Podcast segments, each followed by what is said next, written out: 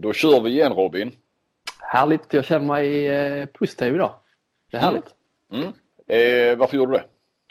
Nej, men eh, förra veckan, eller för, förra veckan kände man var lite negativ där. Det händer inte så mycket kul och, och så här i handbollsligan. Det är lite profillöst och allt bara rullar på. Men jag tycker att sen dess så eh, det är liksom, det finns mycket, jag skrev till dig också ett sms häromdagen, att det finns mycket ur ett rent eh, journalistiskt perspektiv så finns det mycket mycket att, ta reda på, mycket att skriva om som kanske inte just har med spelet på planen att göra men mycket sådana här runt omkring lite roligare grejer som man egentligen, eller i alla fall jag, jag tror du med, håller med om att det är sådana grejer som är kanske lite roligare att skriva om egentligen än bara själva matcherna.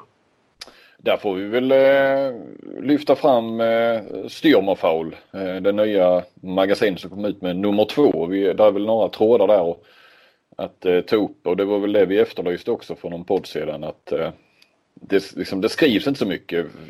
Ibland, ja om man inte vill bara prata matcher och resultat och det som händer innanför de målade linjerna så, eh, som i den här podden så eh, om vi inte själva eh, liksom lägger och drar fram grejer så finns det inte så mycket att snacka om för det skrivs inte så mycket på annat håll.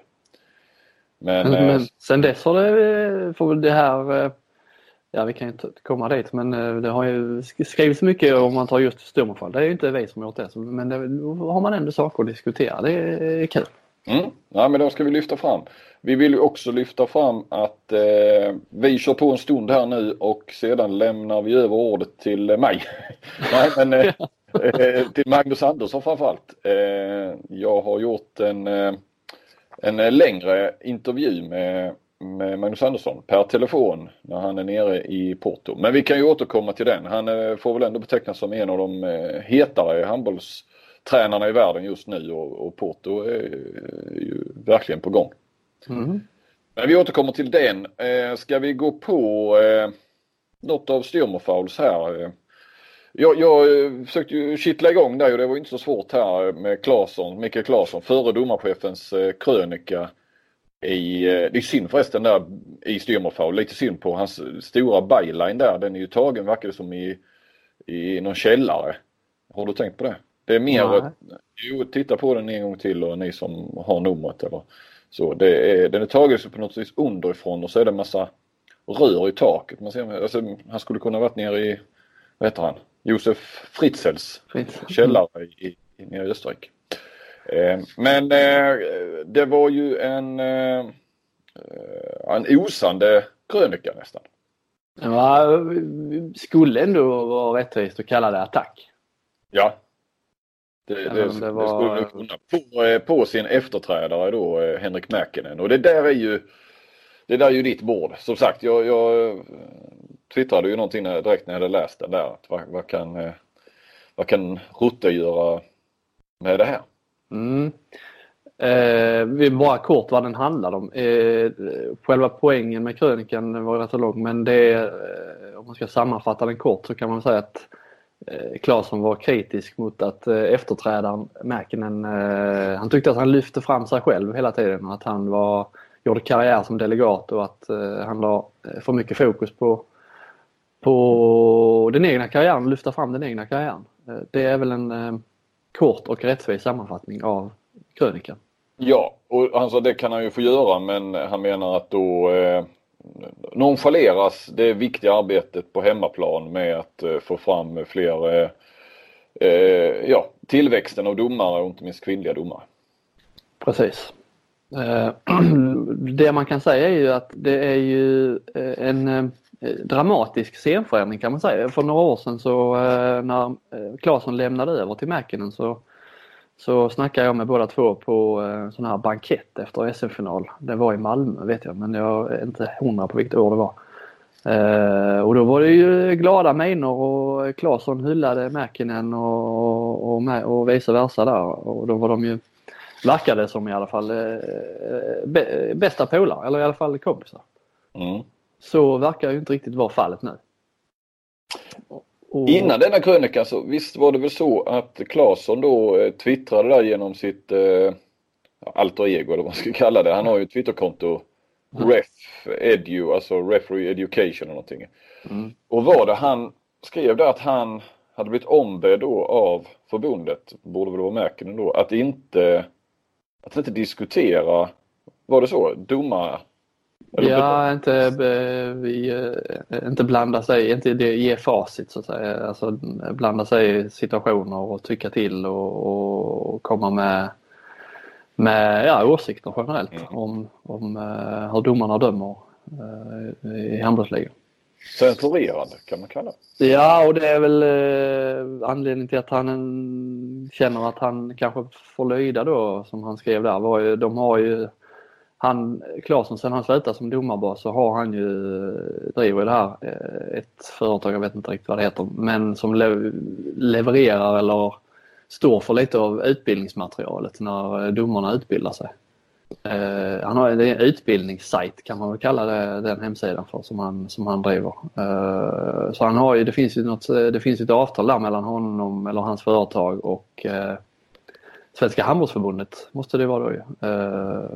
Så att de är ju, han är ju lite involverad och, hade han liksom varit helt fristående så hade han kunnat skita i vad, vad förbundet säger men det är väl enligt vad jag vet så, så är det därför han kanske håller igen lite då nu tiden om, om eh, domarkåren eller domarchefen tycker att han ska göra det. Mm. Eh, det avtalet, eh, han har ju ett avtal där, det, jag får ju bara känslan av att det kanske inte kommer förlängas. För de verkar inte gå ihop så bra. Nej, det är nog en, en spaning under, en silly season spaning om att att ja. eh, avtalet inte kommer förlängas med honom. Det är ju en känslig fråga det här också i domarvärlden kan jag då säga för att eh, jag tycker att jag har pratat med rätt mycket folk som har koll på läget här och eh, eh Eh, det snackas ju mycket men eh, när man, det snackas inte så mycket eh, om man ska bli, liksom, bli citerad eller så här, då, då finns det liksom inga då är det ingen som vill vara med längre. Får känslan av att det är lite två läger här. Ena sidan håller med Claesson och den andra sidan håller med Mäkinen eller vill inte säga någonting alls. Nej. Man kan ju tycka då att mitt journalistiska uppdrag är ju att ta reda på vad är det som har hänt? Mm.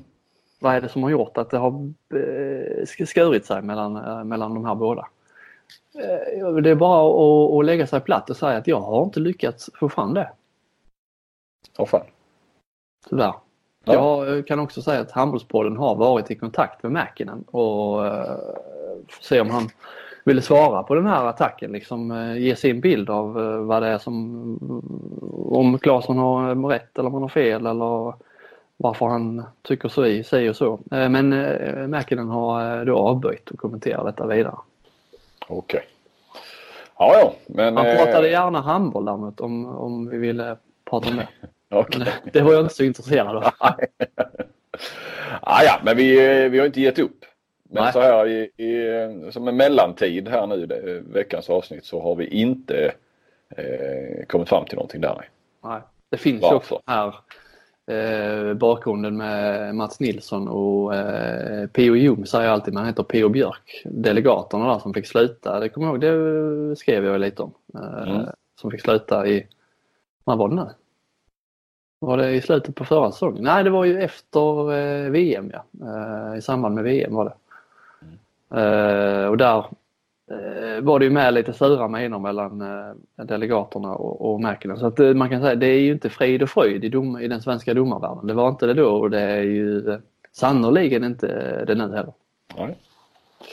Ja, ska vi, det var det juridikhörnan för mm. den här veckan? Ja, vi kan väl återkomma till det. Det dyker alltid upp nya saker att diskutera. Men eh, för nu så kan vi lämna det. Mm. Eh, ska vi gå mer på styrmerfoul eh, spåret så kanske vi hamnar där så småningom ska jag säga. Ja, det är inte riktigt utgångspunkten men eh, vi har ju en utgångspunkt i att eh, Dragan Briljevic har eh, fått sparken. Eh, mm. Från Lugi får man väl lov att säga överraskande för men resultaten har väl varit helt okej. Okay. De är ju där precis bakom de tre stora mm. i, i tabellen som, så som det har varit de senaste åren. Ehm, men det var pang bom. Fick han sparken. Överraskande. Ja. ja, och det var inte så värst länge sedan de förlängde kontraktet heller med honom.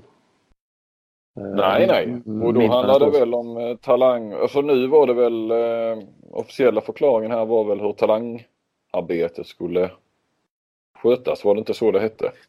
Jo, framöver. De är ju inte nöjda med hur det har fungerat. Hur eh, vägen från ungdom till A-lagsspelare har eh, funkat. De har ju, eh, jag tror det var en spelare i A-laget som är egen produkt. Och de vill ju ha fler.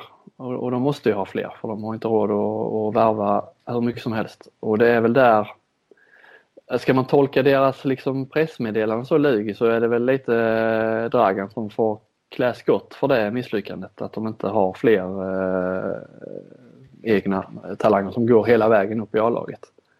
Men det hette ju så sent som i, var det i våras de förlängde eller? Eller knappt något år sedan? Var det väl i ja, knappt ett år sedan. Så. Ja, och då hette det ju att han var Sveriges främsta talangutvecklare eller?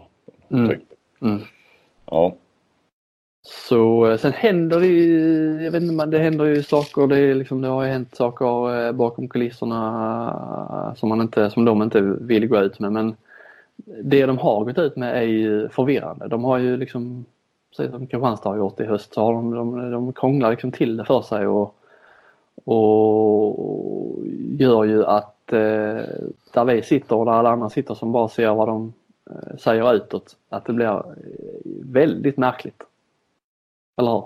Ja, vad är det du tänker på framförallt? Eller? Nej, men jag menar att eh, eh, Ja, men det du säger. Att eh, ena dagen är han ja, ja. förlänger man och eh, han är så jäkla bra på att jobba med talanger och sen nästa dag så eh, får han sparken för att han inte är tillräckligt bra på att jobba med talanger. Eh, det, det var ju ett, får man väl ändå lov att säga, jag ska inte kalla det häpnadsväckande, men just sättet hur otroligt mycket stöd han har fått av spelarna eh, i sociala medier.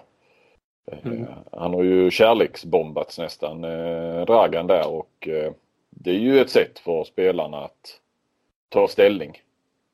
Mm. Det kan man ju lugnt säga. Ja precis, de spelarna, sen vet man inte, det finns ju alltid de som inte, inte har skrivit, alla har väl inte skrivit men det var alltså baserat på de som har skrivit så verkar han ändå ha ett, ett stort stöd i, i A-laget. Ja, man får inte intrycket av att han har tappat omklädningsrummet precis. Nej, inte direkt. Men sen, ja, samtidigt är det inte där kanske inte A-laget problemet ligger utan de hävdar ju då att, eh, som jag har förstått det så är det ju, de har ju tappat eh, tappat flera år, årskullar liksom, som, har, som har lämnat och gått till, till andra, andra klubbar. Det kanske inte har med eh, Dragan ett, dugg att göra men det är ju liksom det, det jag menar med att de krånglar till för sig. De, man får ju den bilden att, att eh, de här årskullarna att de har lämnat, ja det beror på Dragan. Eh, men så är kanske inte riktigt fallet. Äh, eh, jag har inte satt in mig mer i det. Det, kanske man, det borde man ha gjort men det har det inte funnits tid och kraft till. Men men samtidigt kommer detta mitt under, de tappar väl inte, de tappar väl inte något lag nu mitt under säsongen? Nej. Det skulle ju vara naturligare att, att han får gå mellan två säsonger när det då, om man då tappar eller eh, Ja det kanske, jag vet inte. Om de är på väg att tappa till nästa säsong eh, och det är därför den här ändringen var så nödvändig just nu. Det, ja jag vet inte, märkligt. Samtidigt ska han väl Visst skulle han väl få andra arbetsuppgifter så han skulle vara kvar i klubben? Ja, de sa ju det. Hur det ska gå till med att han skulle ta över. Eh, då skulle han ju gå ner och sköta något ungdomslag där. Ja. Men det är väl ett sätt att de, de, han har ju säkert eh, betalt ett tag till och då är det väl ett sätt att, eh, att utnyttja, att ha någon nytta av honom när man betalar honom så att säga. Ja, eller bara göra allt vad man kan för att han själv ska sluta. Så man slipper betala lön. Ja, jo, Jo precis, en sån omplacering. Men där gäller det ju, det har jag lärt mig, eller jag inte av personliga skäl, men att man har förstått på tränare att sånt där är ju viktigt att skriva in att, att just arbetsuppgifterna eller mm. uppdraget. Mm. Det tror jag en del, förr i varje fall, har gjort misstagen men, men eh, till exempel P.O. Jung när han fick gå från Helsingborgs IF så, så tror jag att det var väldigt tydligt att de kunde liksom inte sätta honom var som helst i klubben utan det han skulle göra det var att träna seniorlaget. Eh, mm. Och annars så, så skulle han få sin lön utan att behöva jobba så att säga om de inte ville ha honom där.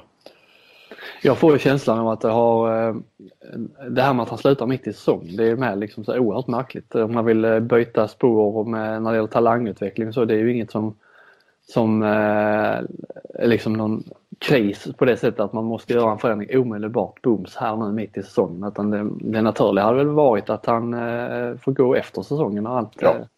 Alltså om man vill göra ett byta väg så, så, så är det ju, det är ju på lång sikt man vill göra det. Så det är ju det som känns som att det har funnits något slags eh, det här samtalet mellan Dragan och eh, styrelsen har, eh, måste ju ha, och som jag förstått det, har liksom havererat på något sätt. Att det har ställts ultimatum från ena eller andra hållet som, som har gjort att det har blivit så här. Det finns ju, jag har ju hört en del på olika håll. Det finns ju rätt så, en del åsikter om eh, klubbchefen Patrik Bengtsson också som man får, är väl hyfsat ny på, på posten. Att, att det finns någonting där också. Mm. Eh, kontroversiellt kring honom. Det var ju om vi äh, återkommer till Stormfall så var det ju en, äh, en riktig slakt i den här ledare, på ledarsidan av äh, chefredaktören Kristoffer Ek, Ekmark. Han, tog ju heder och ära av hela Lugis eh, styrelse kan man säga. Ja det kan man säga. Och Patrik Bengtsson ingår kanske inte i styrelsen men eh, han eh, får ju sin del av, av, kritiken också. Det har skurit sig mellan Lugi och Stormofall, det har vi varit inne på tidigare men eh, eh, det är väl tydligare än någonsin. Ja, och ja, jag vet inte, ska man säga om det, det handlar kanske inte så mycket om Sturm och Foul, tidningen i sig. Det är väl mer att det eh, ligger en liten schism bakom där med, med de som driver Sturm och Foul och, och Lugi som klubb kanske. Ja, precis. Det, det, är nog det. Det är nog på mer eller mindre personligt plan som, som ja. det handlar om. Ja. Eh, tråkigt med Dragan. Eh, det känns som att han har varit en institution i svensk eh, damhandboll. Eh, såna, eh, alltid liksom, eh, jag har inte pratat med honom eller haft så mycket kontakt med honom genom åren men eh, man har ändå snackat med honom ibland.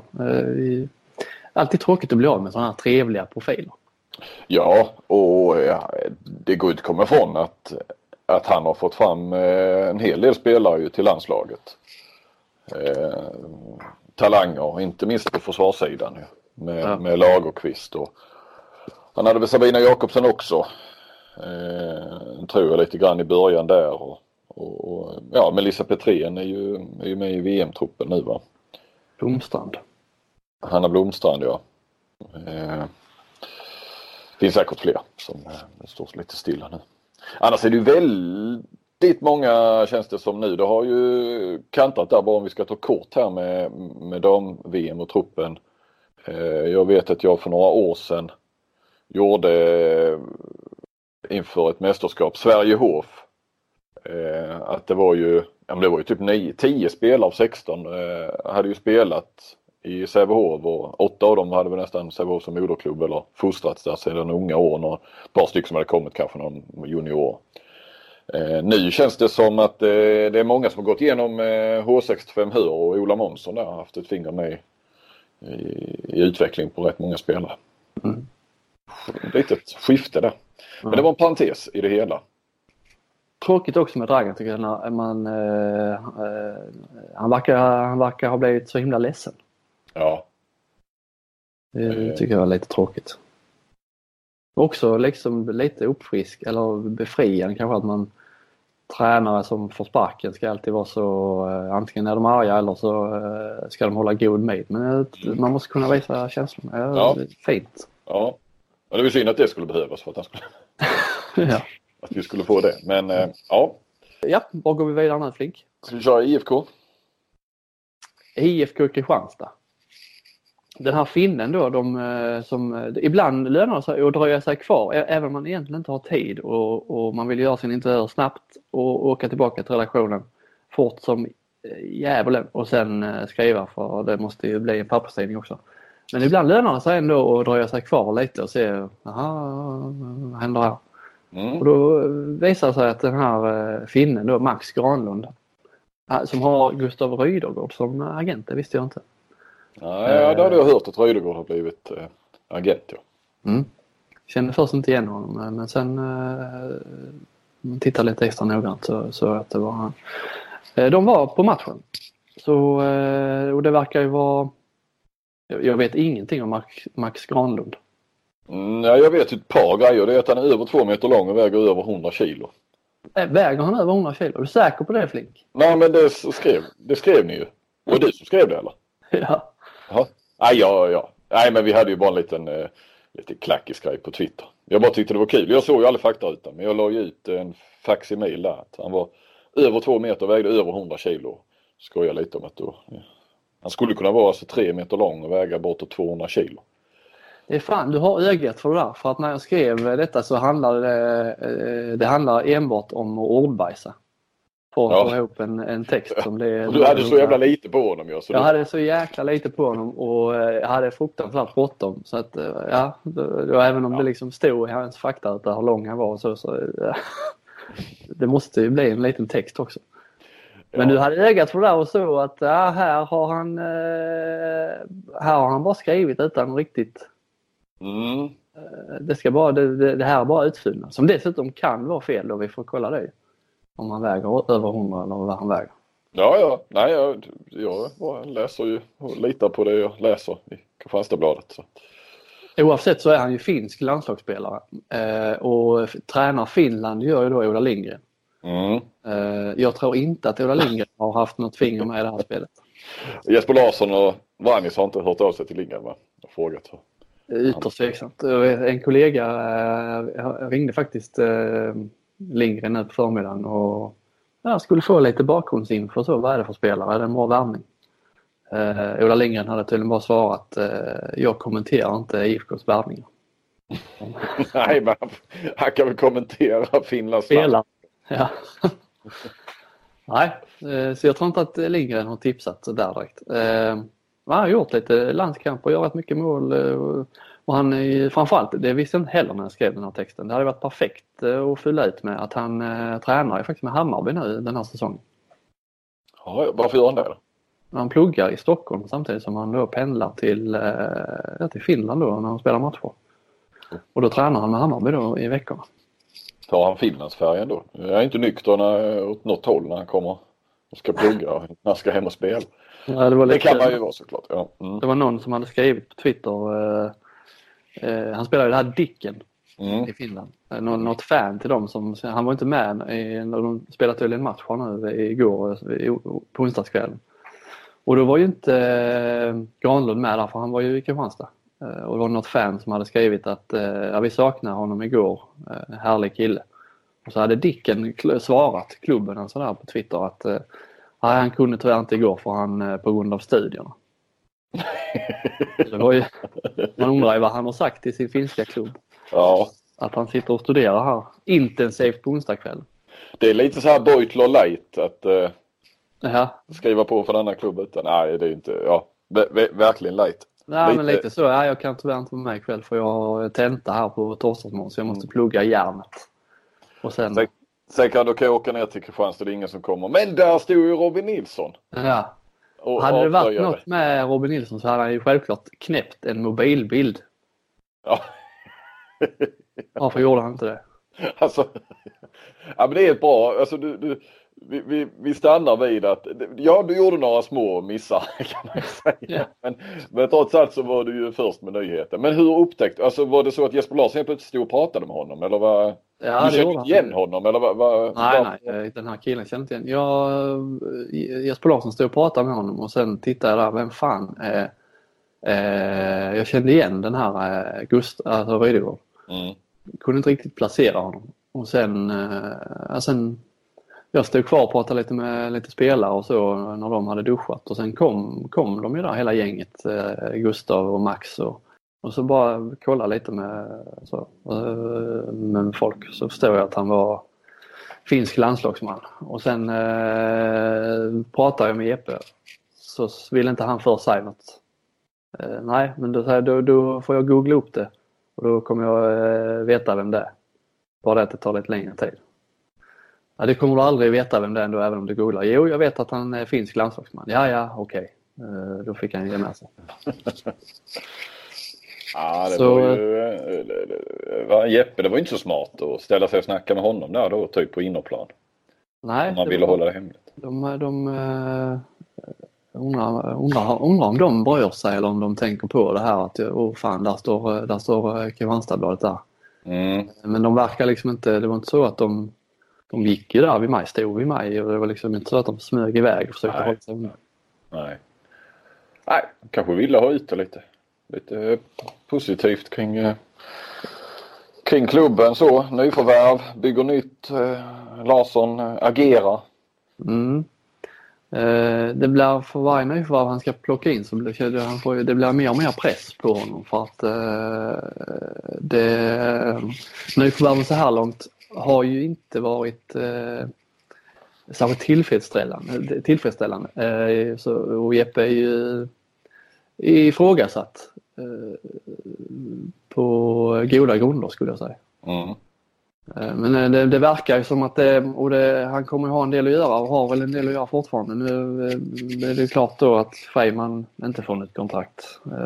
Det har man kanske kunnat ana men nu är det ju bekräftat. Och vad man hör så är det ju, det, de har ju fortfarande sju utgående tror jag. Adam Nyfäll har ju förlängt. Eh, och det finns väl rätt stor risk att det är rätt många av de sju som antingen eh, inte vill förlänga och vill stanna eller att de inte får nya kontrakt eller att de hittar bättre, bättre klubbar. Så att jag hade nog varit lite, lite orolig om jag hade varit eh, både sportchef och eh, haft mina, mitt, mitt hjärta hos, hos Kristianstad. Det är ju liksom sådana som Ola För och Henningsson. Det är ju sådana spelare som är lite ryggrad i, i laget. Eh, tar man bort dem så är det ju helt plötsligt då har man en tunisier, man har eh, en dansk, man har eh, en, en sloven, man har, man har en finne. Man, det är liksom Mm det här köpelaget som många har pratat om i många år kanske eh, aldrig blir tydligare än, än nästa säsong. Nej, precis. Eh, Men lite intressant ändå att om de tar en finsk landslagsman. Det är ju inte samma som en isländsk landslagsman såklart. Vi vet ju att Finland inte är så bra men då kanske man ändå vänder blicken lite och det här att köra det här eh, värva unga skandinaver igen. Mm. Eh, Och kanske lyssnat på kritiken. Ja, precis.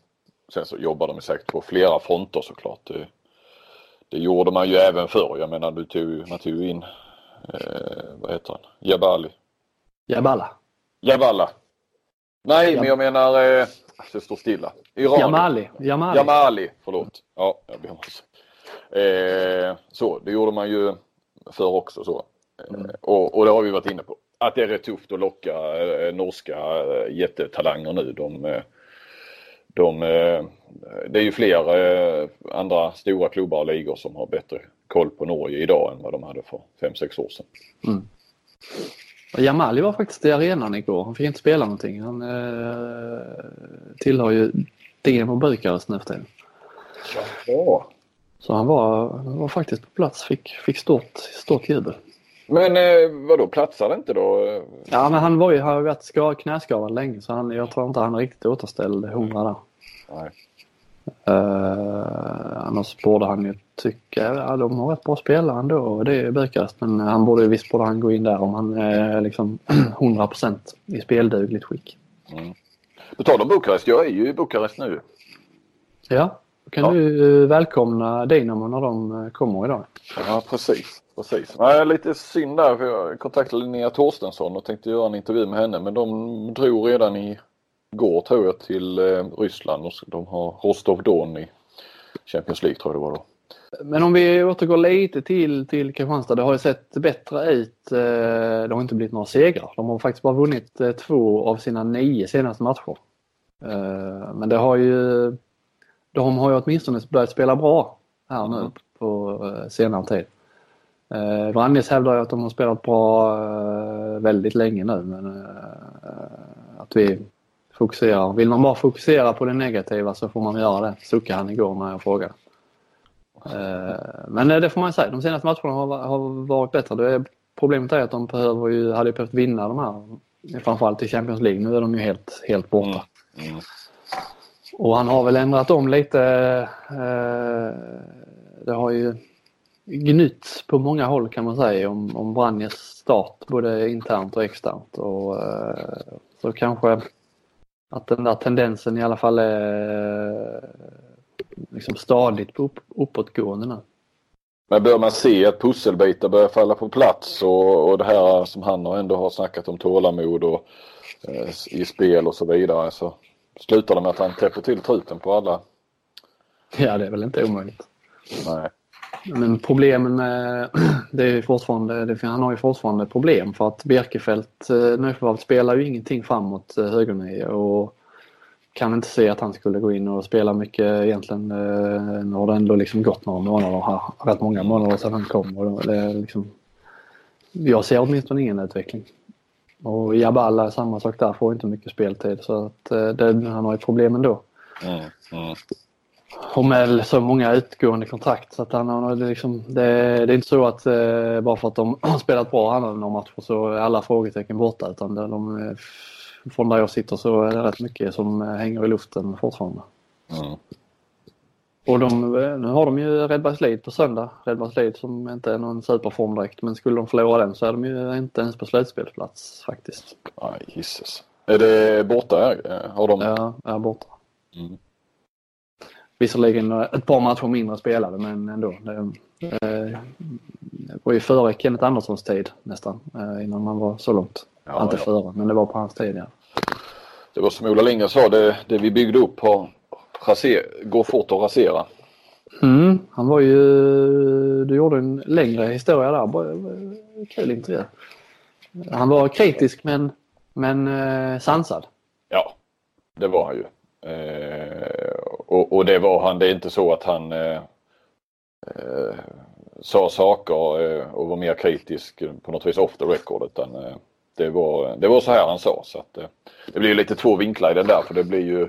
Det, ja, jag känner mig liksom... Man var ju tvungen att ta lite om, om det med Kristianstad såklart och se vad han... Man fick honom att säga men eh, sen var det ju även en del som nästan var lite längre. Det var ju liksom lite mer kaoset i, i Egypten. Mm. Där nere så som, eh, det var ju lite mer underhållande del den kanske. Så det blev lite konstigt sådär. Det blev väldigt två tydliga vinklar genom samma intervju. Men så fick det men, bli. Äh, vinkeln i rubriken var IFK? Ja, ja men där körde vi ju mycket IFK i puff och rubrik och så såklart. Men eh, man ändå noterade bara att de som läste det, de som är handbollsintresserade och, och de som, ja, som, det var några som twittrade och tyckte att det var de, de uppskattar nästan mer den andra delen om livet i Egypten eller handbollslivet och sådär. Mm. Hade lite bra anekdoter att berätta. Ja, verkligen. Mm. Eh, får jag bara säga, jag vill hylla Ystad IF också. Ja. Jag tycker de vann ju mot Sävehof, krossade svenska mästaren Sävehof hemmaplan. Kim Andersson spelade väl inte någonting när jag tittade. Jag såg Nej, jag tror inte han spelade alls. Mm. Nej jag skulle vilja eh, liksom, titta på dem, eh, vad de har för lag och hur de spelar nu för tiden. Eh, där har vi också en guldkandidat. Jag säger som Jan Peter, det doftar guld om Ystad IF. Ja. Men eh, lite var vi inne på det just eh, efter att Hallbäck då hade fått beskedet att han får lämna. Att eh, det kunde bli den här lite så Sören Kratz i Hammarby 2001. Ja man får den, den effekten. Det var väl inte, liksom, det var inte därför de tog det beslutet. Men det, kan ju få en, en, bi, en positiv bieffekt. Det är konstigt det. Jag pratade lite med Helge Freiman om det igår. Liksom att, eh, att det ofta blir så. Det har vi så det med Maja Lipovac. Liksom när han fick beskedet att, att han inte skulle vara kvar. Helt plötsligt mm. så boom, exploderar han. Mm. Eh, samma med Helge nu. Egentligen de fyra sista matcherna har han ju eh, presterat på en nivå som inte eh, han varit i närheten av på rätt länge. Eh, två år typ. Eh, så Ystad får beskedet att tränaren ska sluta. Precis som push, ja då, då, nu kör vi. Då spelar mm. vi ett. Mm. Alltså det, jag fattar ju att det är ju inget medvetet. Det är ju, det, det är ju inget som så, ah, nu har jag, nu går mitt kontrakt ut, nu ska jag börja leverera. Nej, Men att det ändå nej, kan nej. bli så så ofta. Det är, det är mycket mentalt i idrotten tror jag. Det är mycket psykologi. Ja. Jag vet inte heller men och enskilda spelare man känner sig Samtidigt blir det ju en press att leverera. Jag menar Helge Freiman måste ju om han ska komma till en hyfsad klubb få ett bra kontrakt så, så blir det ändå lite press att leverera nu de chanserna han får. Men samtidigt kanske man ändå blir på något vis friare i i tanken eller något. Jag vet. Ja, och han borde liksom haft, han ville gärna stanna så han har liksom Mm. haft en ständig press på sig egentligen att... Uh, Men då kanske pressen blir mindre nu ändå då? Ja, Alltså, den, det är den väl egentligen inte men den kanske kan upplevas så. ja. Jag tycker det är... ja, Man ser liksom sådana exempel hela tiden att ah, eh, folk tar beslut om att inte stanna, inte förlänga och sen eh, och ju, Ja. fick ju tidigt, nej han ska inte vara kvar. Jättebra helt plötsligt. Fick ju stanna ett år till. Mm. Mm. Ja, det är intressant. Vi får kanske ta detta med eh, den idrottspsykologiska rådgivaren Johan Ekengren. Ja, det ja, kan vi ha något för framtida poddar. Och då dra igång just också. Det, det bidrar ju. Ja, eh, hur var han då i... Han var bra mot Ligi eh, när de besegrade dem. Ja, fast inte så bra om du frågar Axnér. Nej, jag skulle Nej. precis säga det. Ja, ja. Jag skulle plocka ner honom lite på jorden. Eh, Ja, men det var ändå lite kul. ja, han, han, men det är ju typ sådär. Han såg ju, det var det Jan Peter som skrev den Kvällsposten. Ja, Han såg ju, eh, som alla handbollstränare gör, han, de ser rubrikerna framför sig när man ställer Exakt. frågor. Och Ja, då är ska de liksom, nej, nej, nej, nej, nej, nej. Eh, den, den ska jag inte bjuda på. Den rubriken ska du inte få mig i alla fall. Eh, helt, eh, helt rätt skulle jag säga Robin. Jag hade faktiskt samma tanke också. Eh, och eh, om Jan Peter eh, står ju ofta, utan att vara taskig nu, så kan ju den tänkta rubriken rätt så stå i pannan på honom. Om man säger så. Han är, han, är, han är bra på mycket men han är jävligt dålig på att dölja sina vinklar Mm. när han ska göra intervjuer. Ja precis. Så det var ju det Axnér liksom kände att, ska du, ja, ska du, eh, ja nu är det hyllning av Dordo på gång och, och du vill ha med mig precis på den båten och så eh, så, så vill han liksom ta ner det och så blir det istället Nej det är ja, smart. Kanske är det så att Jan Peter lurar oss alla liksom. ja, att det blir ännu bättre när de Ja. eh, eh, nekar till lite sådana uppenbara saker. Ja, ja precis. Det är det jag gillar mest med, ja, med handbollsvärlden. Det här spelet med tränare. De är roliga. Ja. Bagan. Bagan. Ja. Vilken man. Fast han var, han var eh, mer förbannad än någonting annat.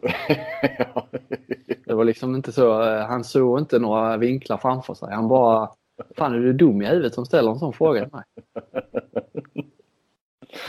ja, oerhört roligt. Ja. Ja, ska vi eh, lämna över till Magnus Andersson då? Ja, först ska vi inte lämna över till Nej. eh, Kagans buss men vi ska ändå notera att eh, han hjälper oss att driva den här podden. Och framförallt hjälper han då eh, folk och publik att ta sig till Malmö och Stockholm när det är dags för EM. Och det börjar ju närma sig. Och eh, Malmö eller Stockholm, Sverige spelar i mellanrundan i Malmö. Behöver ju all allt publikstöd man kan få där. Det har jag varit inne på tidigare. Men skulle de ta sig till Stockholm då behöver de ju ännu mer stöd. Eh, och där lär det, i Stockholm lär det bli bra matcher oavsett. För där är det ju semifinaler och final på mäktiga Friends var jag nära att säga, men eh, Tele2 Arena. Precis.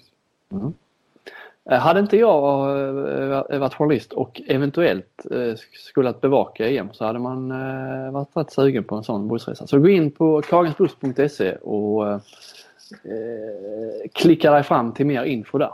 Mm. Mm. Det eh, bör man göra ja, absolut. Eh, Magnus Andersson ja. Är det rättvist att kalla honom 7 mot 6-kungen? Eller är Stockenberg fortfarande... Ja, är ju på tal om stocken. De här sanningarna. Mm, Mm, eh, väldigt bleka och väldigt få. Och jag antydde ju det på Twitter. Jag skrev väl det att eh, liksom, bättre kan du och då eh, han börjar lugnt skrev han. Mm. Men eh, jag vet inte liksom, vad, vad är tidsperspektiv på det? Det skulle väl vara en om dagen i en vecka eller var det inte någonting sånt? ja, inom de närmaste veckorna ska jag eh, publicera sanningar. Ja, ja, han har väl kommit med två på, på två veckor då och de har ju inte varit... Eh, ja, man har inte trillat av stolen här. Det krävs mer för att eh, Sportbladet ska plocka upp en, en sanning och göra en grej av det. Definitivt. Han har långt, långt dit stocken där. Så att, eh.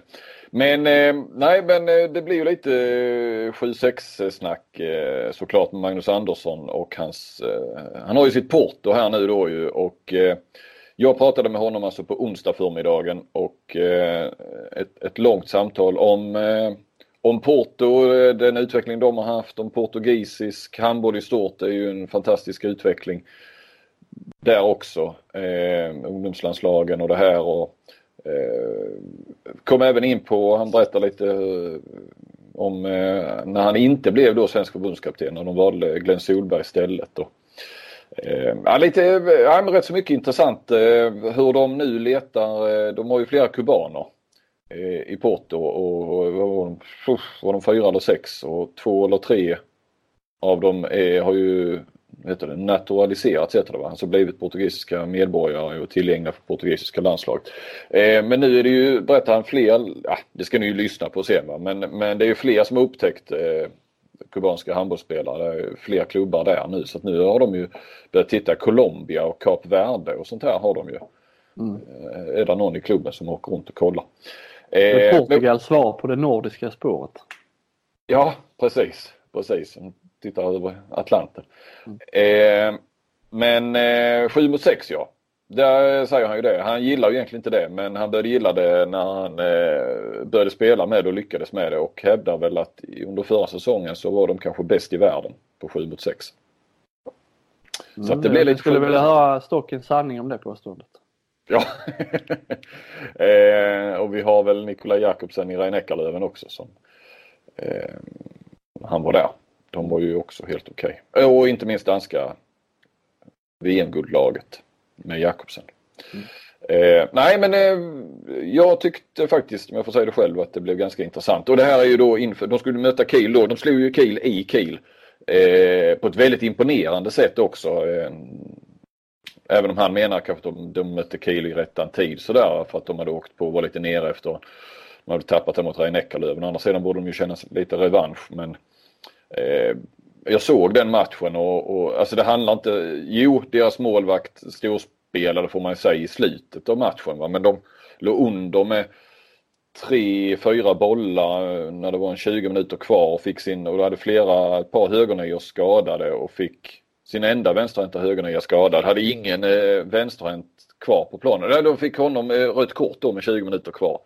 Eh, och hade ingen vänsterhänt egentligen där så att de körde ju med, med högerhänt eh, på kanten och han satte väl fyra på fyra i slutet. Och, nej, jäkligt eh, imponerande sätt eh, de vann den matchen på. Och sen så hade, mötte de ju då Kiel och nu vet vi hur det gick. Det visste vi inte när jag pratade med, med Magnus på förmiddagen. Men eh, de pressade ju Kiel där ju så Kiel avgjorde väl och vann med uddamålet i slutsekunderna. Mm. Nu har de Sporting Lissabon i en typ av seriefinal här på lördag så att eh, det var en intensiv eh, vecka också. Men eh, Andersson tog sig tid och eh, nej, jag eh, vill rekommendera er att eh, fortsätta lyssna här och höra vad han, vad han har att säga. Mm. Det ska i alla fall jag göra. Mm. Så Då, rundar vi av och hörs igen om 14 dagar. Då är jag ju i Japan, eller på väg. Mm. Just det, det är så. Det är ja, tiden går snabbt där. Ja. Mm. Jajamän. Eh, då ska vi säkert få ur oss ett avsnitt då också. Ja, ja, ja. Det löser vi. Absolut. Tack för eh, mig då och så lämnar jag över till dig igen och eh, Magnus så hörs vi om två veckor. Det gör vi. Tack ska ni ha. Hej. Hej, jag Ryan Reynolds. På Mint Mobile, we like to do the opposite of what Big Wireless does. They charge you a lot. We charge you a little. So naturally, when they announced they'd be raising their prices due to inflation, we decided to deflate our prices due to not hating you. That's right. We're cutting the price of Mint Unlimited from $30 a month to just $15 a month. Give it a try at mintmobile.com slash switch. $45 up front for three months plus taxes and fees. Promo for new customers for limited time. Unlimited more than 40 gigabytes per month. Slows. Full terms at mintmobile.com.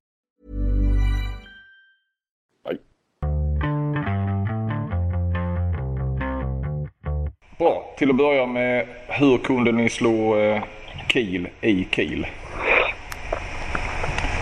Ja, det är en bra fråga. Det hade jag inte trott på eh, själv heller. Eh, eh, man hade hoppats på ett bra resultat. Men eh, ja, det här laget på något sätt, de ger upp och det är eh, fantastiskt eh, vilka steg vi har tagit de senaste ett och ett halvt åren. Men eh, och framförallt med de lite skadebekymren vi har haft eh, senaste veckan också. Vi kommer till Kiel med eh, en vänsterhänt högernia. Eh, båda högerkanterna eh, skadar knät eh, rätt så allvarligt och borta. Hela, i alla fall fram till nystarten. Och sen eh, den andra eh, högernian har opererat menisken också borta så att då hade man inte några större förhoppningar. Det var väl lite att man tänkte bara vi gör en bra match men Ja, lite tur och mycket skicklighet. Eh, slutet kan det gå lite hur som helst och det var två riktigt sköna poäng eh, eftersom vi har strulat till det lite sista två matcherna. Vi förlorat två poäng i slutsekunderna här både mot Zaporozhye hemma och eh, Montpellier hemma så har vi tappat bollen när det varit några sekunder kvar, kom till målslut och oavgjort istället. Så det var ju två bonuspoäng för oss. Men det är ju självklart en stor, stor skall för portugisisk handboll och för Porto här att vi kan vinna mot, eh, mot eh, Kiel på bortaplan. Vi mötte dem nog i en rätt så också en bra... Eh, de hade precis också fått stryk mot Löven, var väl lite neråt. Och jag tror inte att de underskattar oss, men de kommer inte riktigt upp på den nivån som de själva hade hoppats på. Hur bra är de här spelarna och, och eh, vad tror du att kommer de eh, ryckas nu till eh, eh, i andra större ligor och kanske större klubbar? Eller tjänar de bra och har det bra i, i Portugal och Porto? Eller vad tror du? Mm, nej, jag vet inte. Det har varit mycket spekulationer. Men det är ju, hela det här laget har jag ju på kontrakt de nästa tre, fyra åren tror jag.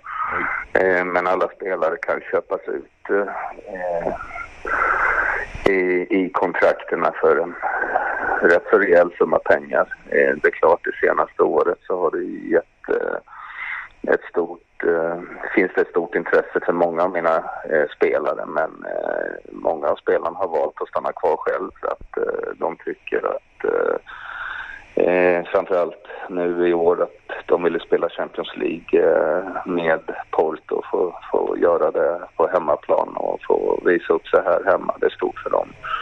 Så att eh, jag vet inte hur länge jag får behålla men eh, det känns som att de flesta spelarna vill vara här hemma och, och, och spela här. De är väldigt eh, stolta att få, uppleva detta med portugisisk handboll och med eh, Porto. Sen vet jag ju att i stort sett varenda spelare, som lite i stort sett alla, men en stor del av första uppställningen och några till eh, har ju anbud dagligen från stora klubbar. Men eh, det är ju en sak av förhandling i sådana fall. Om de vill köpa ut dem, då får de köpa ut dem. Men det kostar rejält slant. Va, va, om du bara skulle... Det enda vi vet, enda vi vet är att vi tappade ju Alexis nästa år. Han går ju till eh, Montpellier. Men det har varit klart sedan ett år tillbaka. Va, vad, vad kostar det att köpa loss de här spelarna? Alltså om du generaliserar eller snittar eller någonting sånt? Ja, det är ju miljoner. Ja. Det är svenska kronor. snackar vi i alla fall, inte euro. Ja, ja, nej. Ja. Kronor. Mm. Vad, eh, du säger att ni har utvecklats otroligt det här laget på ett och ett halvt år. Vad, vad är det ni har utvecklat? Vad är det du har gjort? Vad, ja, berätta. Det är svårt att prata om vad jag har gjort men eh, man ser ju att spelarna har, uh, har ju utvecklats enormt och det är lite som jag försökt beskriva här nere också. Jag tror ju att lite nyckeln för vår del blev eh, matchen mot Magdeburg eh, förra året i UF-cupen. Eh, vi klev ju in i första omgången och fick möta ett eh, domänslag. Eh, andra omgången kommer jag inte ihåg vilka det var vi mötte men sen fick vi ju Magdeburg som i den vevan var kanske det laget som var hetast framförallt i Bundesliga, spelat fantastisk handboll och också där fick vi möta dem i rätt så bra tidpunkt. Och, eh, ligger under med sju i Magdeburg och det kunde gått riktigt illa där. Eh, vi chansar och går ut lite och spelar eh, sju mot sex. Eh, får en jätteutdelning, byter målvakt, målvakten kommer in och spikar, eh, förlorar med ett tror jag det blir till slut. Nej, tre. Tre blev det eh, i, eh, i Magdeburg och vi kommer därifrån ändå med rätt så god feeling och sen hemma så får vi till en lyckoträff och jag tror vi leder med 12. Spelade ut dem nästan och eh, efter det så när vi kommer in i gruppspelet så såg man verkligen hur eh, spelarna lyfte och, och mm, självförtroendet eh, enormt eh, till varenda match. Vi går igenom gruppspelet, eh, förlorar inte en match, vinner ligan, vi vinner allting och avancerar till IOF Final eh, Four och slår ut Sankt Rafael på vägen. Och, nej men det, det, det gav otroligt mycket självförtroende till spelarna. Det är väl det jag kanske varit med och kunnat Eh, in genom ett stort självförtroende, en tro på sig själva och hittat en spelidé som passar dem. Eh, vi spelar en väldigt, eh, tycker jag, en trevlig handboll och en teknisk handboll. Och många kreativa spelare här som sen, sen innan som har en otroligt bra teknik. En, eh, har varit eh, lite så här eh, vilda västern innan. Eh, kunnat gjort eh, väldigt eh, många bra saker men också blandat och tagit eh, många tekniska fel och inte haft någon riktig strategi. Och det är väl det som jag hoppas att jag har kunnat eh, fått Eh, in det här i någon form av strategi. De här, eh, vad det är vi ska göra, vad vi, vad vi kombinationer och sånt, vad det innebär och vad vi ska göra. Så att på det sättet så har vi utvecklats enormt. Vi har ett bra försvarsspel. Nu kontrar vi kanske inte så många andra lag. Det är väl någonting i framtiden vi måste bli bättre på. Men det, det kommer mer och mer. Prata mer och mer om det också. 7-6 kör ni en del eller hur, hur mycket eh, använder ni? Ja, det har blivit. Men eh, förra året så var vi otroligt framgångsrika. Vi jag skulle säga att det var det bästa laget som, i världen som spelar 7 mot 6 Så det var väl också lite turligt normalt sett är jag ingen 7 mot 6 tränare. Jag tycker att det har varit rätt så tråkigt ända fram tills jag själv lyckas med det. Då tyckte jag det var roligt. men Eh, Eh, vi, vi eh, lyckades mot många lag eh, spela otroligt bra 7 mot 6 eftersom vi har typerna till det. Vi har otroligt starka linjespringare. Eh, enormt starka, stora, kan hålla spärrar, även kyla lite om det skulle behövas i nocken. Men eh, mina nio meter spelare som har varit eh, otroligt duktiga, kreativa och duktiga på att stoppa in bollen till linjen. Men också skulle jag vilja säga att förra året eh, våra kantspelare var ju magiska. De eh, har otroligt hög procent eh, från eh, kanterna hade vi. Mm. I år så har det väl gått lite och det hade jag väl också räknat med eh, eftersom eh, vi möter bättre motstånd i A och B-gruppen i Champions League. Här nu möter vi Vardar, Kielce, Kiel, alla de här topplagen, Montpellier som har spelat på den här nivån så är fysiken större, eh, taktiska kunnandet bättre. Eh, så har det inte gått eh, lika klart, men det är klart de andra har analyserat oss eh, varendaste match från förra året och nu så att det visste vi att vi skulle få det lite tuffare. Eh, så att det varit lite upp och ner med 7 mot 6 men samtidigt så tycker jag att vi har utvecklat vårt 6 mot 6 spel eh, betydligt bättre. Så att eh, vi tar till det ibland och många gånger så tar vi till det också här i Portugal. Det är nu när vi spelar så otroligt mycket och reser så mycket. Vi spelar två matcher i veckan och vi har gjort det ända sedan i slutet av augusti. Vi har tio landslagsspelare när det är paus emellan. Så att eh, många går på knäna, då är det lite lättare att spara lite kraft och energi till eh, spelarna och spela sju mot sex en halvlek så behöver vi inte röra oss så mycket, springa så mycket och då vet alla vad som ska hända. Så det är en eller två spelare som behöver springa hem och byta. Eh, de andra spelarna kan ta det lite lugnt och sen lägger vi energi i försvarsspel. Så att eh, det har varit lite av de grunderna också. Vi har spelat en del 7 mot 6 bara för att det inte ska behöva slita så hårt för mål såg ju eh, dina mittnior, eller de här små eh, Martins och, och Silva, eh, så precis som du sa, fantastiska på att hitta in till linjen. Det var ju lite av, det var ju en av dina styrkor också som spelare. Har du, har du lärt dem någonting där eller? Nej, det ska jag inte säga. Jag, eller, vi har ju hela tiden fullständig dialog eh, och försöker och jag tycker det är fantastiskt skojigt att få ha så två kreativa. För det som du säger, jag känner igen mig lite i, i vissa saker som de gör.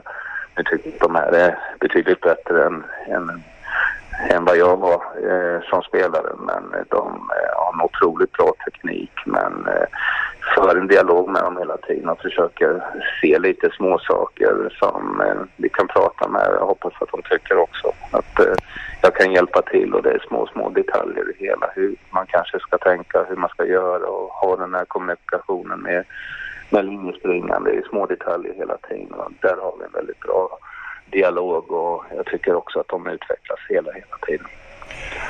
Det känns ju som att du eh, var alltså, precis vad de behövde. Eh, den typen av tränare som du är. Eh, kände du liksom när du tog jobbet eller var det mer en allting, eh, du visste inte riktigt vad du gav dig in på eller hade du en klar bild av att, eh, vad du skulle göra och att det här skulle passa dig och, och att du skulle passa dem?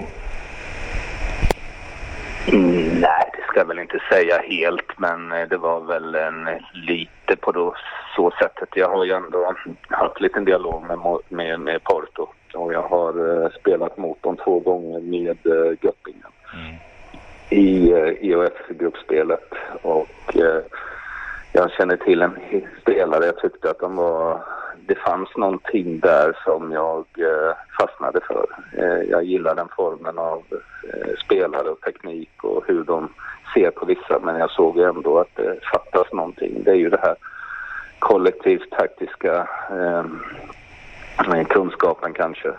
Eh, de kan ju så otroligt många mer saker än många andra spelare. Eh, men sen så är de lite begränsade på kanske de här taktiska kunnandet när det gäller att gå lite för mycket på risker och, och de spelar en kombination utan egentligen tänka på vad det, vad det är de vill få ut eller någonting. Men eh, där såg jag väl att det kanske fanns ett spännande, jag hade ju en dröm i alla fall. Jag, jag såg framför mig att, eh, att kunna hitta den här mixen eh, lite. Att eh, eh, få dem att förstå vissa kollektiva saker lite bättre. Så att, eh, ja, jag är otroligt nöjd att få få jobba med de här, det är skojigt. Eh, inte bara att vi gör bra resultat. Det, det är självklart, det hör ju det hör ihop utan resultat och då får man inte samma positiva gensvar. Det är inte lika roligt att gå ner till, till träningen. Men det är fina killar, det är unga killar. De vill någonting och är otroligt professionella. Vi har eh, skojigt tillsammans. Och,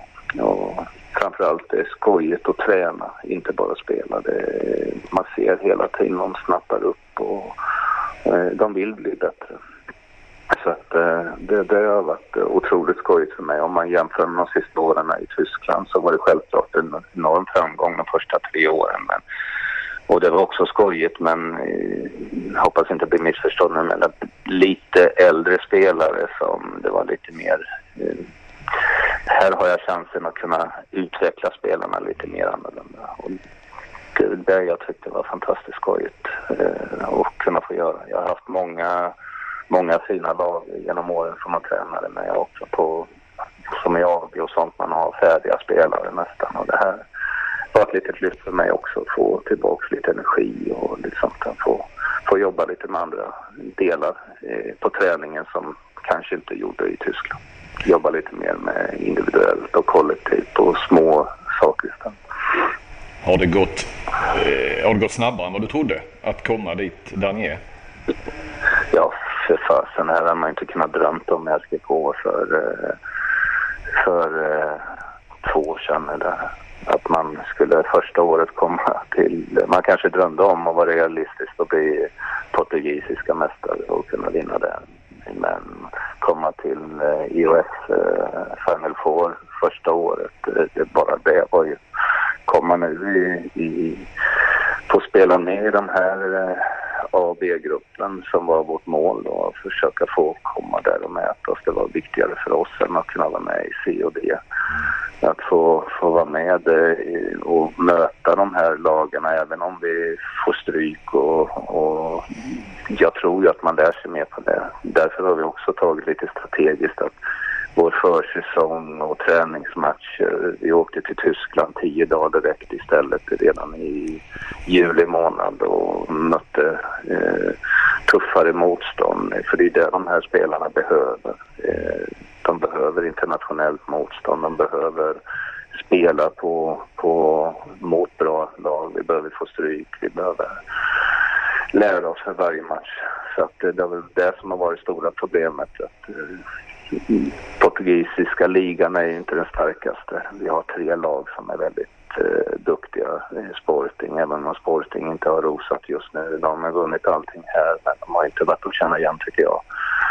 Eh, Benfica har haft stora problem nu i starten här tycker jag. Nu börjar de mot Nexö här men det är ju stora problem som jag anser att Benfica nu, de har ett fantastiskt bra lag också men eh, de har bara mött dåligt motstånd här i, i portugisiska ligan och sen helt plötsligt fick de oss som kom ifrån eh, internationell eh, motstånd och vi hade en helt annan nivå. Vi vinner 10 på bortaplan men också ett halvskadat lag för oss. Men eh, jag tror ju att får de också komma ut nu och börja spela i Europa och få lite här så kommer de också ta sig och spela bättre. Eh, hur ser, eh, ja alla de här tre klubbarna då, toppklubbarna har ju, eh, är ju fotbollsklubbar också. Hur, eh, hur ser stödet från eh, fotbollen ut? Alltså jag tänker ekonomiskt och sponsorer och, ja, eller är det skilt åt eller hur funkar det?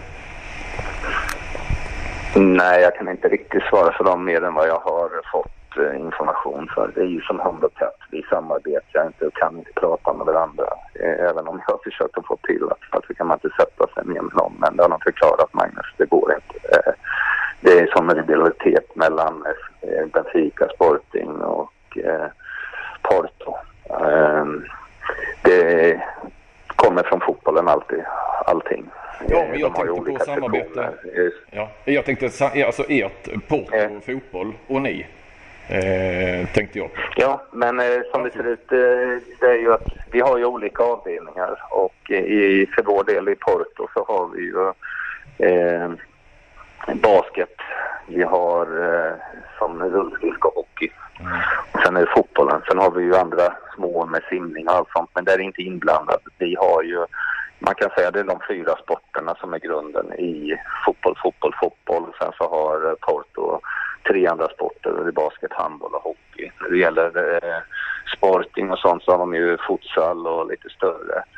Eh, andra sporter också, eh, volleyboll, basket, handboll, tror den andra, de har lite större och de lägger ju också pengar men om jag fattar det riktigt så är det de mesta pengarna är från föreningen, fotbollen som drar in dem. Mm. Så att eh, sponsorer och sånt, vi har egen sponsor också här men Eh, 99 procent av allting eh, kommer från eh, fotbollen. Från klubben. Jag ska inte säga att det är bara fotbollen, men det är ju en fotbollsklubb, Porto. Det heter ju fotbollsklubb Porto. Så att eh, vi är ju inte självständiga på det sättet. Vi, vi ingår i fotbollsklubben och sen har vi ju inte något samarbete mer än att ja, det är ju en gigantiskt stor klubb med jag vet inte hur många, hundra, eller det är väl hundratusen medlemmar i, i alla fall med fans och allt sånt som är i klubben och stöttar. Man blir ju född här, Porto-fans och, och sen eh, när det gäller eh, ekonomiavdelningar, allt sånt här, det är ju samma avdelningar som fotboll. Eh, vi är ju en liten part, handbollen bara. Vi har, ingår i hela fotbollsklubben om man säger. Mm. Hur mycket fotbollsfans är det på matcherna och så? Eller vad, publik, eh, hur ser det ut för er det? De stora matcherna som idag, nu finns det inte en biljett kvar här då, men hur det fungerar, eh, det kan jag inte riktigt Vi har ju alltid en klick handboll, för det finns ju en viss kultur här i norra Portugal med handbollen. När det gäller från Braga och eh, Porto här så har vi ju en viss form av en kultur, men stora matcherna som ikväll då när vi möter Kilian här så, så eh, är det fullsatt. Men sen finns det säkert en del tomma stolar eftersom en del inte kommer. Det är en del sponsorer som har ute men sen har de eh, bakom ett eh, mål här så det är ju 500 platser som eh, går till eh, fotbollsfansen som kommer och stöttar. Och de tror jag inte har så mycket intresse egentligen av handboll. De har intresse av Porto. Mm. Och de kommer och stöttar i stora matcher oavsett om det är hockey eller basket. Eh, största matcherna för oss är när vi möter Benfica. Då, då är det ju som ett, det är ju sjukligt. Det här är ju fans som man säger. Om man, nu ska jag inte säga att de andra inte har fans som i Kiel och sånt, men det här är ju, de har en helt annan publik om man säger den äldre slipsfolk. Här står de utan tröjor och sjunger. Det är ett jädra liv. Ja. Så det, det, är häftigt. Eh, jag har ju aldrig varit med i en sån eh, fankultur om man säger så. Det, det, är riktigt, riktigt, riktigt stort. Eh, de här stora matcherna som det är en stämning utan dess like. Jag sjunger i 60 minuter och ja, i samma liv som på en fotbollsmatch. Ja, häftigt. Och då har ni Sporting på lördag. Mm. Är det hemma eller borta? Hemma. Hemma. Seriefinal. Mm. Ja, seriefinal. Vi möts ju nu. Vi, först har vi ju, ja, det är ju seriefinal på ett sätt. Eh, det är ju viktigt att inte försöka tappa poäng men samtidigt så blir det inte helt rökta om man gör det för att vi har ju först en rak serie och sen går ju hemma borta. Vi har ju tre poängsystem, 3, 2, 1. Du får ju till och med ett poäng om du förlorar. Okay. Och sen eh, så efter, eh, vad är vi, 14 lag, 26 omgångar så bryter vi och då går 6 till slutspel. Och eh, då eh, halverar man poängen man har eh, när man bryter efter 26 omgångar. Mm. Då halverar man dem och sen börjar man om igen. Och då har du 10 matcher till, så vi har 36 matcher. Och så i det kallas slutspelet, de sista 10 matcherna. Nu möter du alla hemma borta. Mm. Och då börjar du om efter de 26 omgångarna på eh, det poänget du har halverat innan och sen kör du en rak serie ut. Sen vinnarna där. Mm. Då är jag med. Och sen så har vi också cupen. Mm. Vad är och livet där nere Magnus då? Jag har ju pratat med dig tidigare och eh, det har låtit som du har njutit rätt så bra. Jag menar nu har vi bara pratat handboll och, och hur, hur roligt det är att vara, att vara tränare där. Men eh, jag gissar att du du njuter av... Eh, det är inte så ofta man annars är tränare i, stora lag i Europa. Då är, det, då är det mest norra Europa och inte kanske den livskvaliteten. Vad säger du om livet där nere då? Och kunna kombinera det med handboll på den nivån? Ja, men jag, jag samtrivs ju. Det gör jag ju på ett sätt. Eh, är det ju svårt just nu att inte kunna njuta när det går bra. Eh, självklart hade det inte gått bra och inte hade eh, varit framgång så hade det kanske varit lite annorlunda. Eh, I år är det ett enormt eh, program och resa. Eh, det, har, det har varit tufft och det är tufft nu i Att Vi eh, reser väldigt, väldigt, väldigt mycket och inte hemma mycket eh, nu med det Champions League. Så att, eh, men eh, Porto, jag gillar Portugal. Jag, fantastisk stad Porto. Eh, för alla som inte har varit här kan jag verkligen rekommendera. Eh, man ser det mycket i turismen. Det, det har varit... Eh, det var ju lite en, en målsättning från, från, från min sida att jag ville prova. Jag har så många chanser innan i mitt liv när jag var själv aktiv spelare och spelade i Spanien och inte riktigt passat och inte vågat att ta steget och hade en liten kort session och bodde i, i Lyon och spelade på tre månader innan jag slutade. Och jag har varit, legat lite och gnagit i det här att nu fick jag möjligheten och chansen att bo i ett sånt här land. Och det, det, jag, jag, jag trivs jättebra här nere. Sen är det klart att eh, det är annorlunda på många sätt. Man måste bara som eh, anpassa sig till det. Det är lite annorlunda när det gäller ordning och reda och trafik och sådana saker. Det är, det är inte som att komma från Tyskland där, där, eh, där det är ordning och reda på allting till att komma till Portugal. Det är som natt Men jag, jag, jag trivs. Det är en väldigt, eh, väldigt fin stad och en klubb just nu när det går bra. Så, eh, allting är positivt på. Men eh, passa på att njuta, bo bra, eh, äter gott. Eh, ett fint land. Det verkar ändå som, jag pratade med Ola Lindgren och eh, där verkar det vara ännu större skillnad i Egypten mot, eh, eh mot när han har varit i Sverige och, och Tyskland. Eh, det verkar vara ännu värre med, med trafik och ändrade träningstider och sånt där. Jag vet inte, har du haft någon kontakt med honom eller? Ja, jag har pratat lite med någon gång så emellan. Det verkar vara lite kaotiskt här.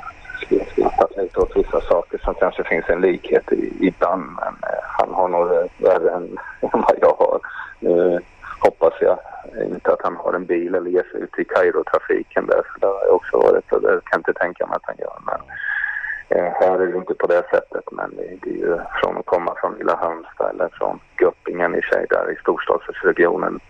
Det var ju också mycket men det är mycket annorlunda här med hur folk kör och grejer och hur man ska. Men eh, jag har förstått att det har varit lite, det är lite annorlunda. Det är väl också ett äventyr att få känna på det. Men sen hur länge man orkar det. För Olas del tänker jag på det. Det går inte att jämföra kanske Kairo eller klubben och handbollen mot hur det är här i Portugal. För här finns det ju ändå ordning och reda och en stor klubb är otroligt professionella på vissa saker. Sen är det klart att det kan finnas vissa likheter ibland när det gäller något som ska ändras eller göras för krångel. Och Staffan Olsson är i USA med en annan typ av utmaning. Jag läste lite om det. Man försöker hitta handbollsspelare överhuvudtaget. Ja, jag har förstått det. Jag har inte pratat med honom på, på länge nu angående just USA. Men eh, ja, det var lite spännande att se Hedin och han. Liksom. Hedin är väl tränaren där och sen eh, även eh, Staffan ska väl på, på, på sikt försöka få att Hedin har några att spela med. Ja.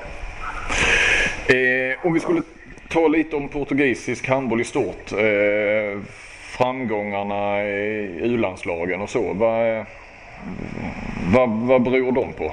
Du som ändå har varit i Portugal nu. Vad, vad har de på gång och hur bra kan det bli? Och nu är de med i EM också. Det kanske i och för sig det är ju tufft. Det var ju lättare att kvala in till detta såklart när det var utökades till 24 lag. Men ja, vad tror du? du... Mm, ja, men jag tycker ju att portugisisk handboll har en riktig medvind just nu och de har också ett jädrigt intressant eh, läge. Sen om det kommer räcka hela vägen, att de kan etablera sig, det är svårt att säga.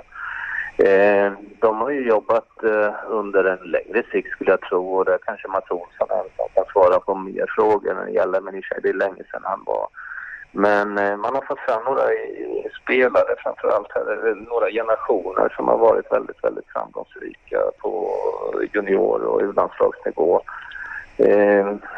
Man har den här lite 98 där jag har själv många spelare, bland annat André Gomes då som min vänsternia, Diego Silva, min högernia som jag lånade ut till Sälja eh, utsedda både till de bästa spelarna, talangfullaste spelarna, vänsternia, högernia och det, det är ju två spelare som, som är otroligt talangfulla och har varit otroligt duktiga.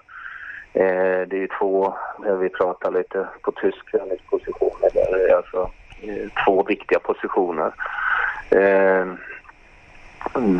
en bra linjespringare eh, också från 98 där. Eh, du har ett par spelare som jag tror med eh, som kan bära det här landslaget i framöver. Eh, nu gjorde man ju otroligt bra kval, eh, kom till EM. Eh, tyvärr i en väldigt svår grupp i Norge med Frankrike, Norge och sen Bosnien. Eh, där tror jag inte att man kommer till nästa steg men eh, på sikt så tror jag nog att eh, eh, det som händer nu med oss i Porto, med sporten kanske att de spelarna får ut och spela de här tuffa matcherna, internationella matcherna, så gör det ju också att det hjälper till. De har ju ett bra landslag. Eh, Portugal tycker jag, eh, med många unga nu, nya generationen också 2000 som jag inte känner till så. Jag har en fyra spelare därifrån också men det är ju inte några bärande som en på A-lagsnivå. Men jag känner till dem finns mycket talang där också. Nu kanske det är lite olyckligt att du får några eh, 2000 när du har också 98. Det blir svårt att ta de platserna. Eh, Miguel Martin som är min 99 född eh, 96. Också eh, spelat i landslaget nu säkert i fem år, debuterat som 16-åring. Nu har han internationell erfarenhet. Vi har Louis Silva, mitt nian hos mig också. Eh, född 93 också. Varit med nu ett antal år. Börjar bli nästan en av de äldre spelarna. Sen har du lite erfarenhet av med Gilberto som spelar Montpellier, spelar i Barcelona, spelat i Wisla Plock och varit ute ett tag. Eh, så att det är klart det, det, det, finns bra spelare. Linjespringare har de en hel uppsjö av. Eh, du har mina två, Alexis, du har Daimaro. Eh, båda eh, kubaner som har blivit eh, eh, portugiser. Du har den unga eh, från eh, Sporting som är 98 också, in i springande. Du har Thiago som har varit ute. som har många bra ställt där. Nu visar det sig att min eh, Victor Itosoro, också min kuban, är på väg att bli portugis här. Kanske inom ett år är han också portugis och är också en spelare som jag tycker hör hemma på den internationella nivån också. Så att det, det finns eh, ett spännande lag tycker jag. Men sen ska man ju ha lite tur och, och lite skicklighet. Man ska kunna överstå och få in de här unga talangerna in och få en bra roll. Och, eh, du ska kunna ha lite tur i lottningar och kunna etablera lite för att få ett bra mästerskap och få bättre kval och sånt. Jag menar det, det vet vi själva och sett på många här att ha lite otur, göra ett dåligt mästerskap, eh, få ett eh, svårt motstånd än kval. Ändrar man ju lite så jag kan jag inte säga riktigt hur det blir här eh, i framtiden. Men jag förstår också att VM ska väl också utökas och det gör det lite lättare också kanske att komma in. Men, eh, men eh, jag tycker det ser spännande ut för portugisisk handboll. Och, eh, på sikt så kan det få ut lite spelare till men framförallt också så måste vi ju försöka få kanske lite ordning på ligan. Eh, få lite bättre kvalitet. Vi har för många lag idag. Tycker jag 14 lag är inte kvalitet nog för det. Men det är som sagt saker som ligger över mitt och inte jag kan påverka så mycket. Men eh, det är väl någonting som jag ser att eh, Ja, för att det ska ta hela vägen upp och kanske på sikt eh, på många år så måste man få till lite bättre här. Det är ju, man ska säga att det är tre lag som har pengar. Det är tre lag som betalar. Många andra lag gör ett bra ungdomsarbete och där är ju Sporting, Benfica och Porto ute i tidig, tidig ålder. Allting som ser ut att kunna bli någonting, det skrivs i kontrakt tidigt med dem och vi tar dem. Hur gamla är de då? Eh, jag vet inte hur många. Ja, men kanske 16, 17, 18. Mm. Vi är ju ute nu. Jag har köpt spelare nu från Colombia och Carberde. Vi har Kuba. Eh, plockar dem 16, 17 års ålder. När de får komma.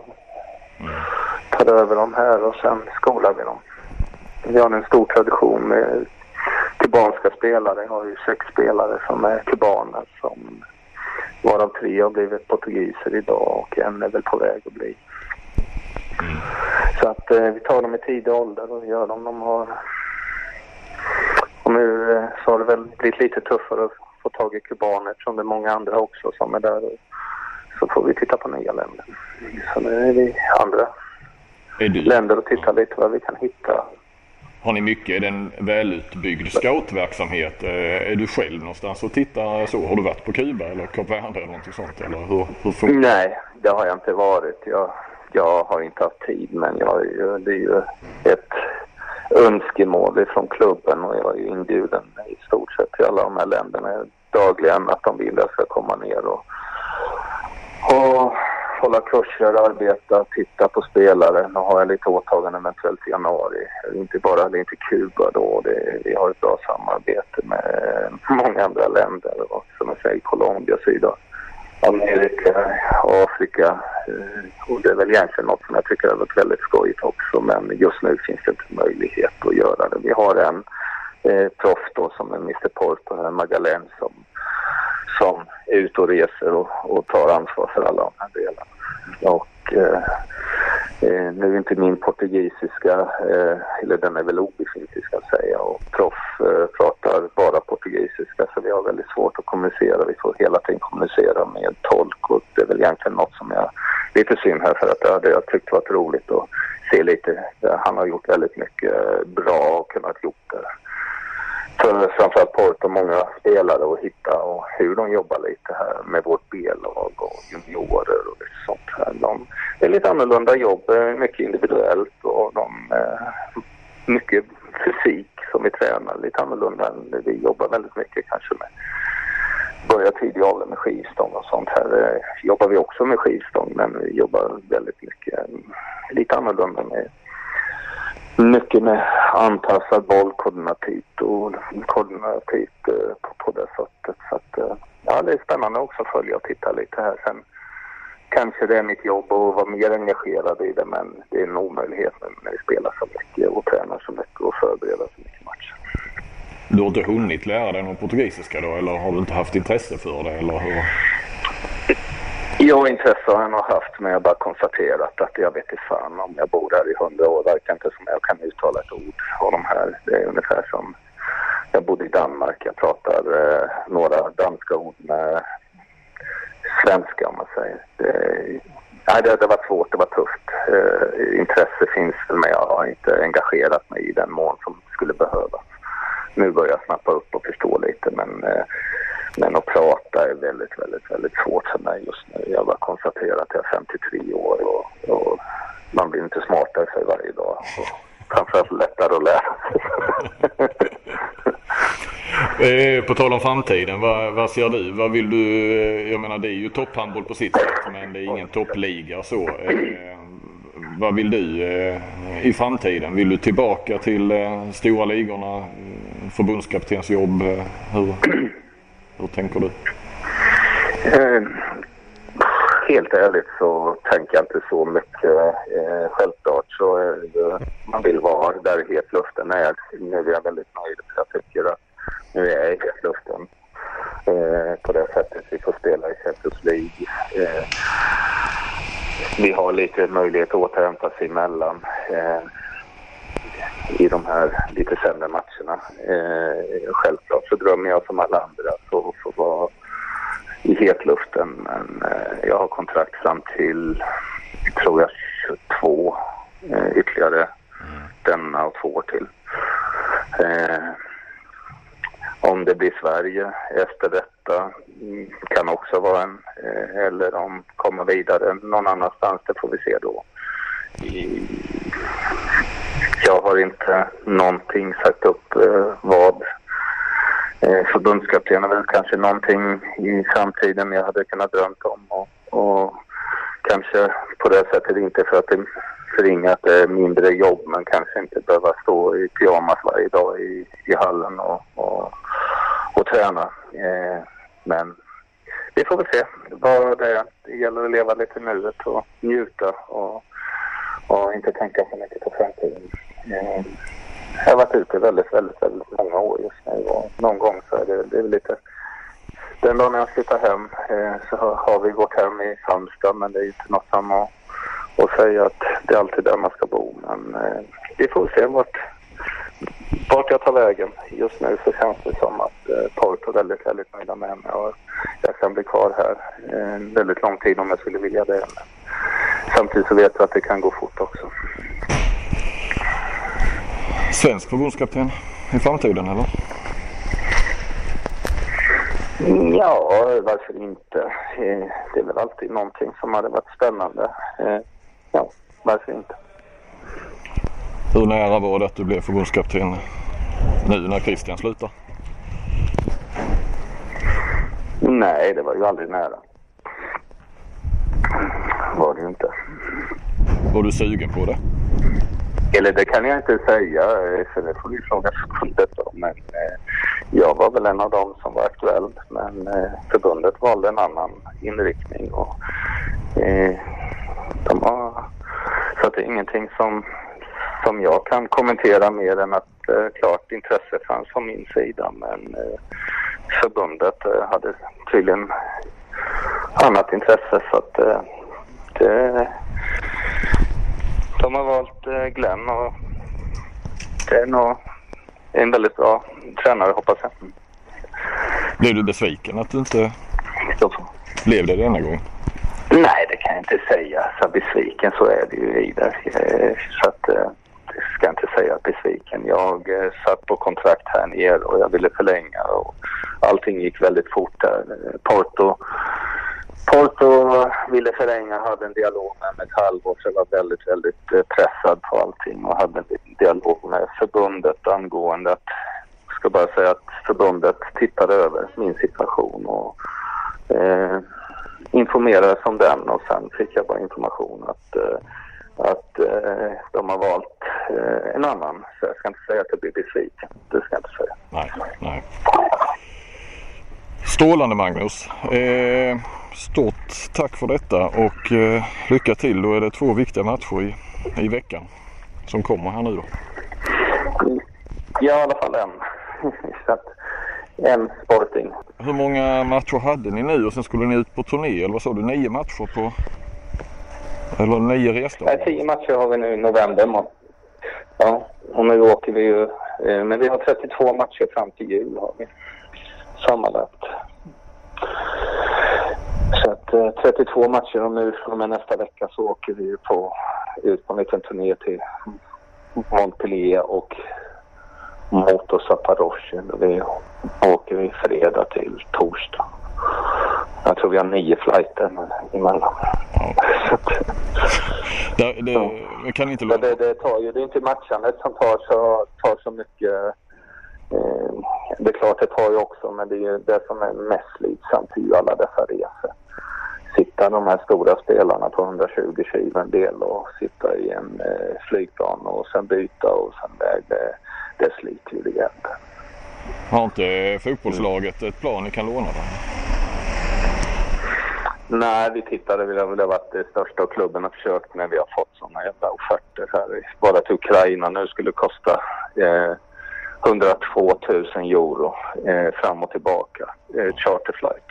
Så att eh, och jämföra det med Kiel nu. Jag tror de betalar 45 000. Så att eh, eh, jag vet inte om det är så mycket längre från Porto. Problemet är ju inte många flygbolag som vill åka och kan åka till Ukraina. Men eh, vi får ju ha en jävla ja, dum flight hit. Jag vet inte hur vi är över Kiev och ja, vi flyger så många konstiga rutter dit bara för att komma dit. Men Det är ju, även klubben ville ju hjälpa oss men 102 000 euro för en flygresa det, är inte, det går inte att försvara.